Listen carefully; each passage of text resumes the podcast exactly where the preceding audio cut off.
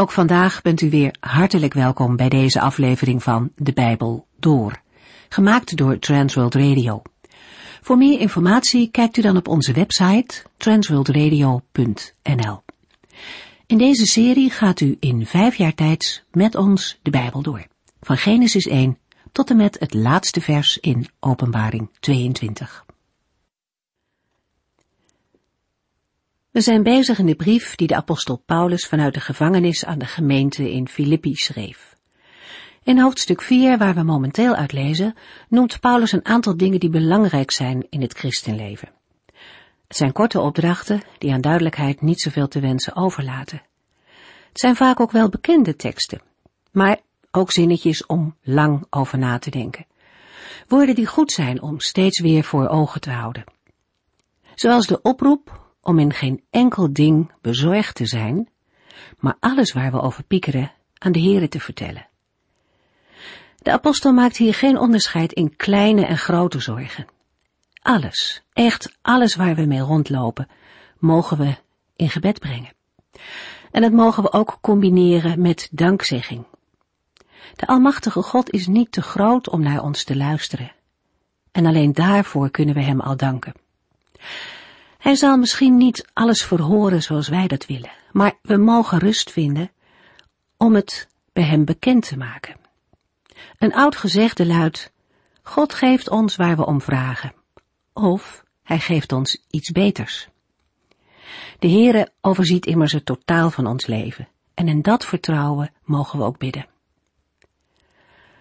Als Paulus ons aanspoort om altijd onze verlangens aan God te vertellen, dan voegt hij daaraan toe dat we dan ook de vrede van God zullen ervaren. Dat is een vrede die boven ons menselijk denken uitgaat. In moeilijke dagen hebben gelovigen gemerkt dat dit waar is. De Heere kan vrede geven in ons hart, al stormt het nog zo erg in ons leven. Zelfs al begrijpen wij niets van Gods handelen, dan mogen we toch die vrede ontvangen. Soms is er worsteling als het leven moeilijk is. En het geheim van een gelovige is dat hij altijd alles aan God mag vertellen. Mensen zoals Job hebben het gedaan. In alle zorgen keerde hij zich niet van God af, maar hij bleef het uitroepen naar God.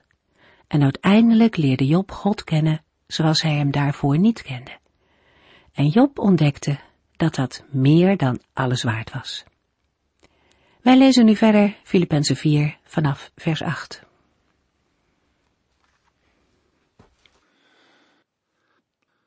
In de vorige uitzending hebben we stilgestaan bij het gebed. Zetten we de versen 4 tot en met 7 uit het vierde hoofdstuk van de brief van Paulus aan de Filippenzen nog een keer op een rijtje, dan zien we dat Paulus de gelovigen heeft bemoedigd met de woorden: Wees blij in de Heere, verheug u in Hem. Maak u nergens zorgen over, maar bid voor alles. Dan zult u de vrede van God ervaren een vrede die ons menselijk besef te boven gaat en die de wacht houdt over uw hart en gedachten, omdat u in Christus Jezus bent. Wanneer de gelovigen langs de weg van gelovig gebed met dankzegging hun bezorgdheid bij God hebben gebracht, zullen zij zeker vrede van God gaan ervaren.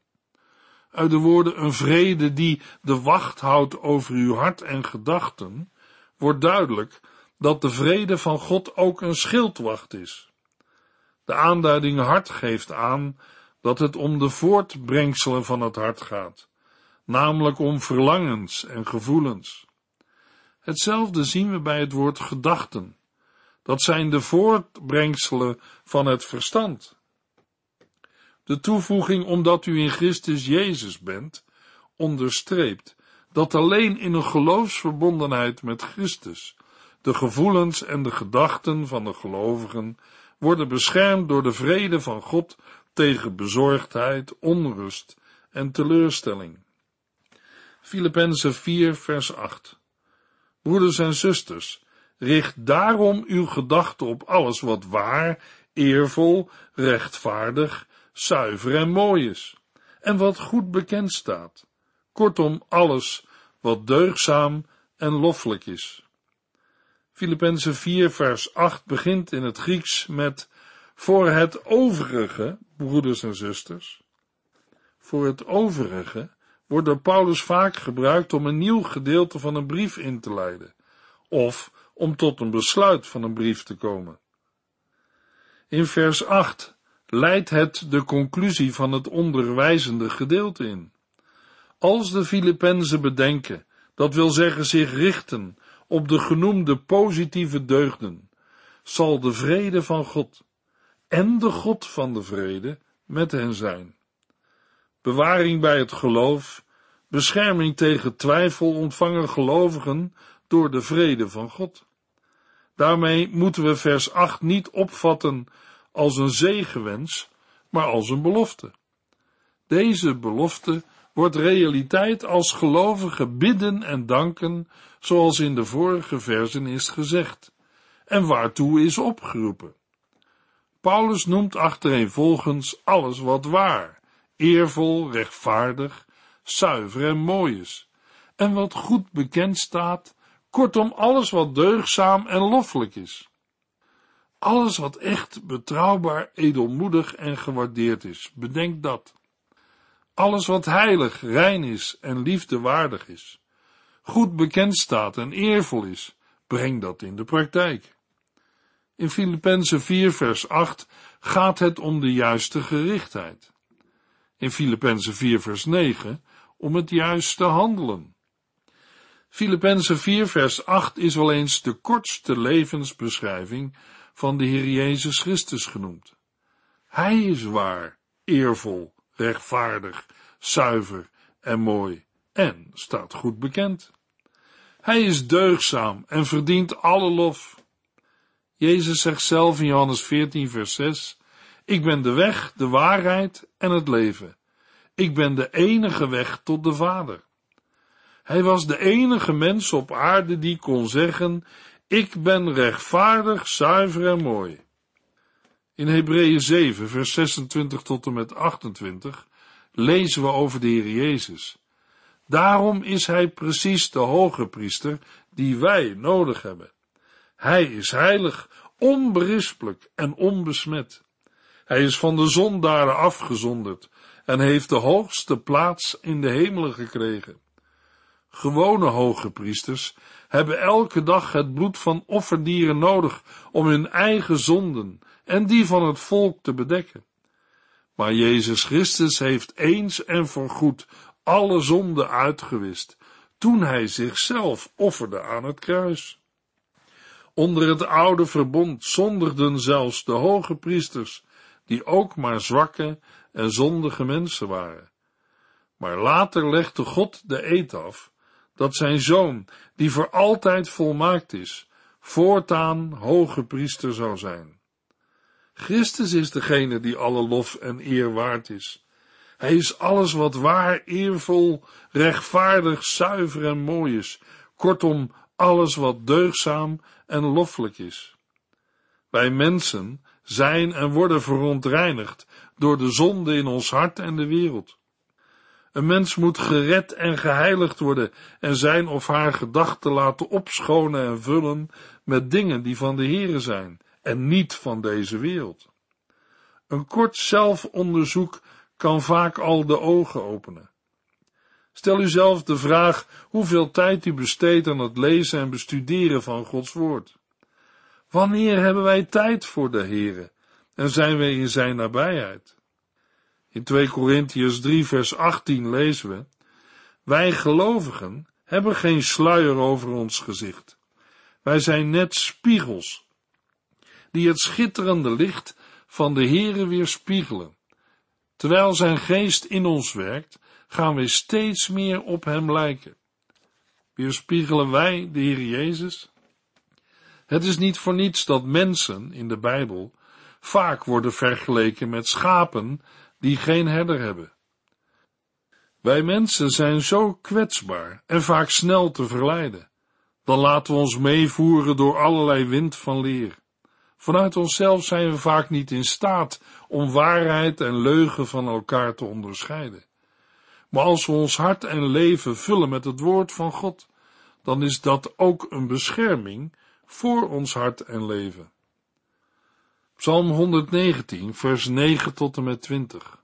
Hoe kan een jongeman zuiver leven als hij zich laat leiden door uw woord? Met mijn hele hart wil ik u volgen. Helpt u mij om niet van u af te dwalen. Ik vul mijn hart met uw woorden. Dat is de enige manier om niet te zondigen en u geen verdriet te doen. Heren, u bent het zo waard te worden geprezen. Leer mij alles over uw wet. Ik spreek over alle wetten die u hebt gemaakt. Ik ben zo blij dat ik veel over u mag spreken. Dat geeft mij meer vreugde dan aardse rijkdom. Ik wil blijven nadenken over uw leefregels en zal u trouw volgen. Uw gebod geeft mij de grootste vreugde. Ik zal uw woord nooit vergeten. Ik ben uw dienaar, bewaart u mij, dan kan ik mij mijn hele leven houden aan uw woord. Open mijn ogen, zodat ik alle wonderen in uw wet kan ontdekken. Hier op aarde voel ik mij slechts een vreemdeling. Laat uw gebod niet voor mij zijn verborgen.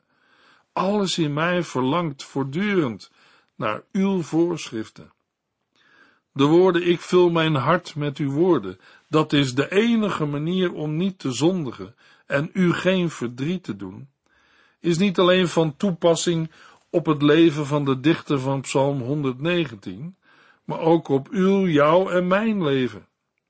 Luisteraar, is ons hart vol met de woorden van de Heere? Dat is de enige manier om niet te zondigen en de Heere geen verdriet te doen.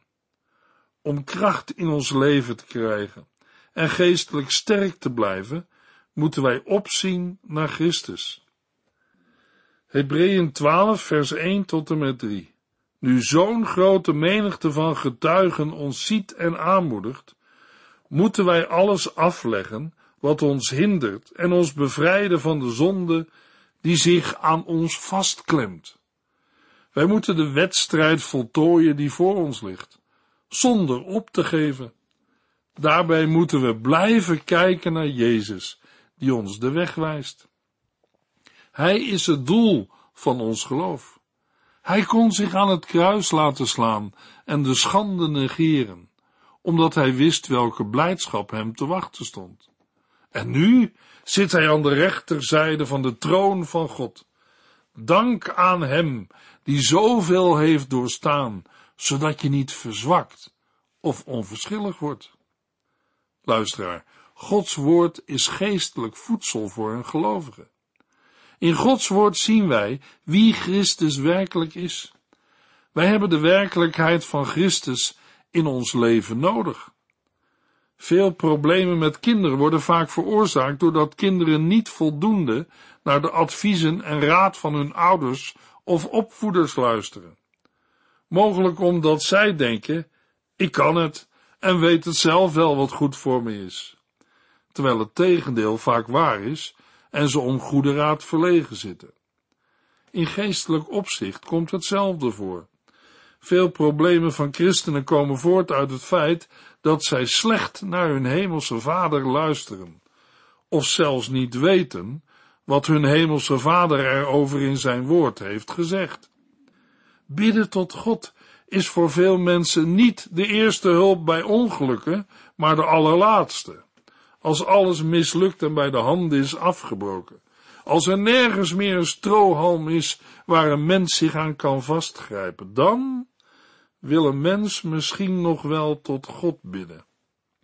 De dichter van Psalm 130 kent zo'n situatie. Hij bidt, ik zit zo diep in de put, heren, en ik roep naar u. Luister naar mij, heren, laat uw oren naar mij luisteren. Heren, als u al onze zonden blijft onthouden, kunnen wij immers niet blijven leven. Maar ik weet dat u vergeeft, zodat iedereen ontzag voor u zal hebben. Ja, een mens kan met mond en hart uit diepte van ellende roepen tot God. Nee, luisteraar, dat is geen dooddoener, want ook ik weet dat God vergeeft. En als u dat ook ervaren mag, dan hebt u ontzag voor de Heere. Filippenzen 4, vers 9. Breng niet alleen in de praktijk wat u van mij geleerd hebt, maar ook wat u van mij gehoord en gezien hebt dan zal de God van de vrede met u zijn. Het praktisch handelen van de gelovigen in Filippi moet bepaald worden door datgene wat Paulus hen had geleerd en overgeleverd, en verder door het voorbeeld van Paulus dat ze kenden, omdat ze het zelf hadden gezien of erover hadden gehoord. De gelovigen van Filippi waren, toen ze tot geloof kwamen, leerlingen of discipelen van de Heer Jezus geworden. En Paulus had hen geleerd te doen wat de Heer zelf bevolen had. Bij wat u van mij geleerd hebt, gaat het om de inhoud van het evangelie, namelijk de betekenis van de dood en opstanding van Jezus Christus en de ethische consequenties daarvan. Bij de woorden wat u van mij gehoord en gezien hebt, moeten we denken aan het luisteren naar de prediking van Paulus, maar ook aan het horen van berichten en getuigenissen over het leven en de activiteiten van Paulus. Ten slotte hebben de Filippenzen ook Paulus' voorbeeld gezien. Paulus roept hen op hem na te volgen. Hij heeft dat al eerder gedaan in Filippenzen 3 vers 17, waar hij schrijft, Vrienden, volg mijn voorbeeld en let goed op hen die dat al doen. Het gevolg van een juiste gerichtheid en een handelwijze naar dit voorbeeld is dat de God van de vrede met hen zal zijn. Meestal wordt met een dergelijke zegenbede een brief afgesloten. Dat is ook hier in Filippenzen 4 vers 8 min of meer het geval, omdat het vervolg een persoonlijk dankwoord voor de ontvangen ondersteuning is. Filippenzen 4 vers 10 Ik ben erg blij en dankbaar dat u mij weer hebt geholpen. U was al een hele tijd bezorgd geweest, maar kreeg steeds de kans niet om iets te doen. Nadat Paulus zijn brief heeft afgesloten met vermaningen en met een zegenbede, bedankt hij de Filippenzen voor de ontvangen hulp. Opnieuw spreekt de apostel over blijdschap. Paulus heeft zich over de ontvangen financiële ondersteuning verheugd. Hij was erg blij en dankbaar dat de Filippenzen hem hadden geholpen. In de Griekse tekst wordt erbij gezegd dat zijn blijdschap was in de Heere. Dat geeft aan dat Paulus de liefde van de Heere heeft ervaren in de hulp die hij van de Filippenzen heeft ontvangen en ook dat hij de Heere ervoor heeft gedankt. Opmerkelijk is wel dat Paulus in vers 10 geen melding maakt van het ontvangen geld. Zijn blijdschap wordt het meest veroorzaakt door de liefdevolle gezindheid van de Filippenzen. Aan het slot van vers 10 lezen we, u was al een hele tijd bezorgd geweest, maar kreeg steeds de kans niet om iets te doen. De hulp van de Filippenzen was een daad in geloof en uit liefde. Paulus had die hulp lange tijd moeten missen, maar nu had de apostel de ondersteuning weer ontvangen. De Filippenzen waren werkelijk begaan en bewogen over de apostel. We zien dat uitgedrukt in de woorden, u was al een hele tijd bezorgd geweest. De letterlijke vertaling van de slotwoorden van vers 10 kunnen verkeerd worden opgevat. In de herziene statenvertaling lezen we, en ik ben zeer verblijd geweest in de Heere, dat uw denken aan mij eindelijk weer opgebloeid is. U hebt ook wel steeds aan mij gedacht, maar u hebt de gelegenheid niet gehad om het te tonen. De woorden eindelijk weer is opgebloeid, moeten we niet opvatten als een verwijt. Paulus constateert zelf dat de Filippenzen al een hele tijd bezorgd geweest waren maar toen niet in staat om iets voor hem te doen, mogelijk vanwege hun armoede of vanwege de grote afstand tussen Filippi en de plaats waar Paulus gevangen zat. Dat het denken van de Filippenzen eindelijk weer is opgebloeid, geeft een houding en gezindheid aan. Het gaat in vers 10 om een positieve gezindheid, die we kunnen vertalen met interesse of belangstelling. De Filippenzen hebben, al de tijd dat Paulus niets van hen hoorde, wel met liefde aan Paulus gedacht en voor hem gebeden. Maar zij hadden in die tijd geen gelegenheid om hun liefde concreet en zichtbaar in een gift gestalte te geven. Daarom schrijft Paulus, u was al een hele tijd bezorgd geweest, maar kreeg steeds de kans niet om iets te doen. Twee jaar lang had de kerk in Filippi het contact met Paulus verloren. Zij wisten niet waar hij zich bevond nadat hij was gearresteerd in Jeruzalem. Daarna hadden zij gehoord dat hij was overgebracht naar een gevangenis buiten Jeruzalem. Mogelijk hebben zij zich ook verontschuldigd dat zij toen geen contact met hem hadden opgenomen, omdat ze niet wisten waar Paulus was. Gedurende die tijd konden zij de apostel ook niet ondersteunen. Paulus schrijft, ik ben erg blij dat uw denken aan mij eindelijk weer is opgebloeid en u weer de kans hebt om iets te doen. Filippenzen 4 vers 11 Ik zeg dit niet omdat ik iets tekort kom, want ik heb geleerd onder alle omstandigheden tevreden te zijn met wat ik heb, of het nu veel of weinig is. Paulus verheugde zich niet in de eerste plaats omdat de Filippenzen in zijn tekort hadden voorzien, maar omdat hij in de Filippenzen de juiste gezindheid van liefde en medeverantwoordelijkheid ontdekte en zag. Met een zeer benadrukt ik heb geleerd, maakt Paulus duidelijk dat het bij zijn blijdschap niet om hem persoonlijk gaat, maar om de uiting van het geloof van de Filippenzen. Hij zelf heeft geleerd in alle omstandigheden zijn vertrouwen op Christus te stellen. Aan welke gebeurtenissen de apostel dan denkt, wordt in vers 11 niet gezegd. De woorden ik heb geleerd geven aan dat Paulus bij een bepaalde gebeurtenis in het verleden deze les heeft geleerd. Misschien denkt hij aan een openbaring van de Heere bij zijn bekering. In 2 Korintiërs 11 vers 23 tot en met 29 noemt Paulus een hele rij gebeurtenissen op die de apostel heeft moeten meemaken als verkondiger van het evangelie van Jezus Christus. Al die gebeurtenissen hebben de apostel gevormd en nu zegt hij, ik heb geleerd onder alle omstandigheden tevreden te zijn met wat ik heb, of het nu veel of weinig is.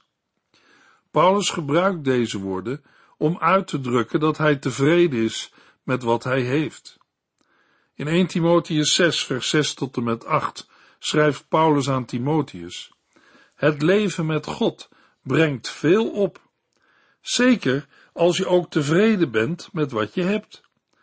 Per slot van rekening hebben wij bij onze geboorte niets meegebracht. En als wij sterven, zullen wij ook niets kunnen meenemen. Als we ons kunnen voeden en kleden, moet ons dat genoeg zijn. Ja, daar wordt een mens stil van.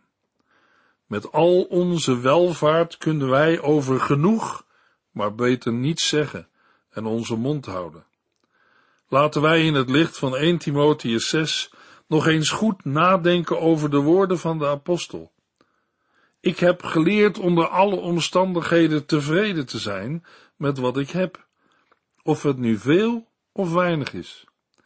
Paulus maakt duidelijk dat hij onafhankelijk is van de omstandigheden, juist omdat hij zich afhankelijk weet van Christus. En luisteraar, hoe is dat bij u en bij jou? Maar Paulus gaat nog verder. Filippenzen 4 vers 12. Ik weet uit ervaring wat het is om te leven in gebrek en in overvloed. Ik ben met allerlei omstandigheden vertrouwd, zowel met genoeg te eten te hebben als met honger lijden, en zowel met meer dan voldoende te hebben als gebrek te lijden. Uit eigen ervaring heeft Paulus leren kennen wat het is om vernederd te worden, gebrek te lijden en overvloed te hebben. Vernederd worden en gebrek lijden heeft in dit verband te maken met de materiële en economische vernedering, moeite, inspanningen, nachten zonder slaap, honger, dorst, gebrek aan kleding. Bij leven in overvloed moeten wij niet alleen denken aan geestelijke overvloed, maar ook aan materiële. De woorden ik ben met allerlei omstandigheden vertrouwd slaan in vers 12 niet op alle mogelijke situaties, maar op de twee genoemde mogelijkheden van gebrek en overvloed. In het vervolg wordt nog aangevuld met genoeg te eten hebben en met honger lijden. Over de moeilijke omstandigheden in het leven van Paulus lezen we meer in onder andere 1 en 2 Korintiërs en 1 Thessalonicense 2. Wanneer de apostel Paulus overvloed heeft gekend, weten wij niet. Misschien waren zijn ouders vermogend, zij stuurden hem naar Jeruzalem om bij Gamaliel te gaan studeren. We kunnen ook denken aan Handelingen 16, waar Paulus een tijdje in Filippi logeerde, bij Lydia, de zakenvrouw uit Thyatira. Filippenzen 4, vers 13. Ik ben in staat alles te doen, door Christus die mij daarvoor de kracht geeft. Christus is degene die door zijn heilige geest Paulus kracht gaf in zulke moeilijke omstandigheden. In Filippenzen 3 vers 10 en 11 zegt Paulus, het enige wat ik wil is Christus kennen en ervaren, hoe groot de kracht is, waardoor hij uit de dood is opgestaan. Ik wil ervaren wat het betekent om met hem te lijden en te sterven, om uiteindelijk te komen tot de opstanding uit de dood. Paulus ontving kracht door en in Christus, door zijn eenheid met Christus. Voor de apostel Paulus is het leven Christus zelf en het sterven pure winst. Het zijn in Christus of in Hem is een wezenlijk thema in de brief aan de Filippenzen. De woorden ik ben in staat alles te doen omvatten de omstandigheden die in vers 11 en 12 zijn genoemd, en wel speciaal de moeilijke omstandigheden. De vertaling ik vermag alle dingen door Christus die mij kracht geeft, is grammaticaal juist, maar kan soms tot het misverstand leiden dat gelovigen alles kunnen. Zonder Christus kan een gelovige niets doen. In de volgende uitzending lezen we Filippenzen 4 vers 13 tot en met 23.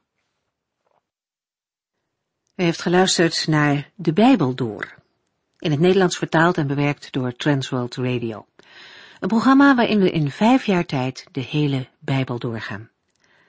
Als u wilt reageren op deze uitzending of u heeft vragen, dan kunt u contact met ons opnemen. Tijdens kantooruren kunt u bellen op 0342 47 8432 0342 47 8432. Ook kunt u een e-mail sturen naar de en natuurlijk kunt u ook via de post ons bereiken.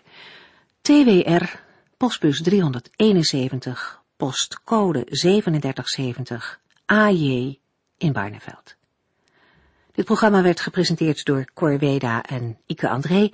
Techniek was in handen van Odin van Voerkom. En wij allemaal bedanken u voor het luisteren. Graag tot de volgende keer.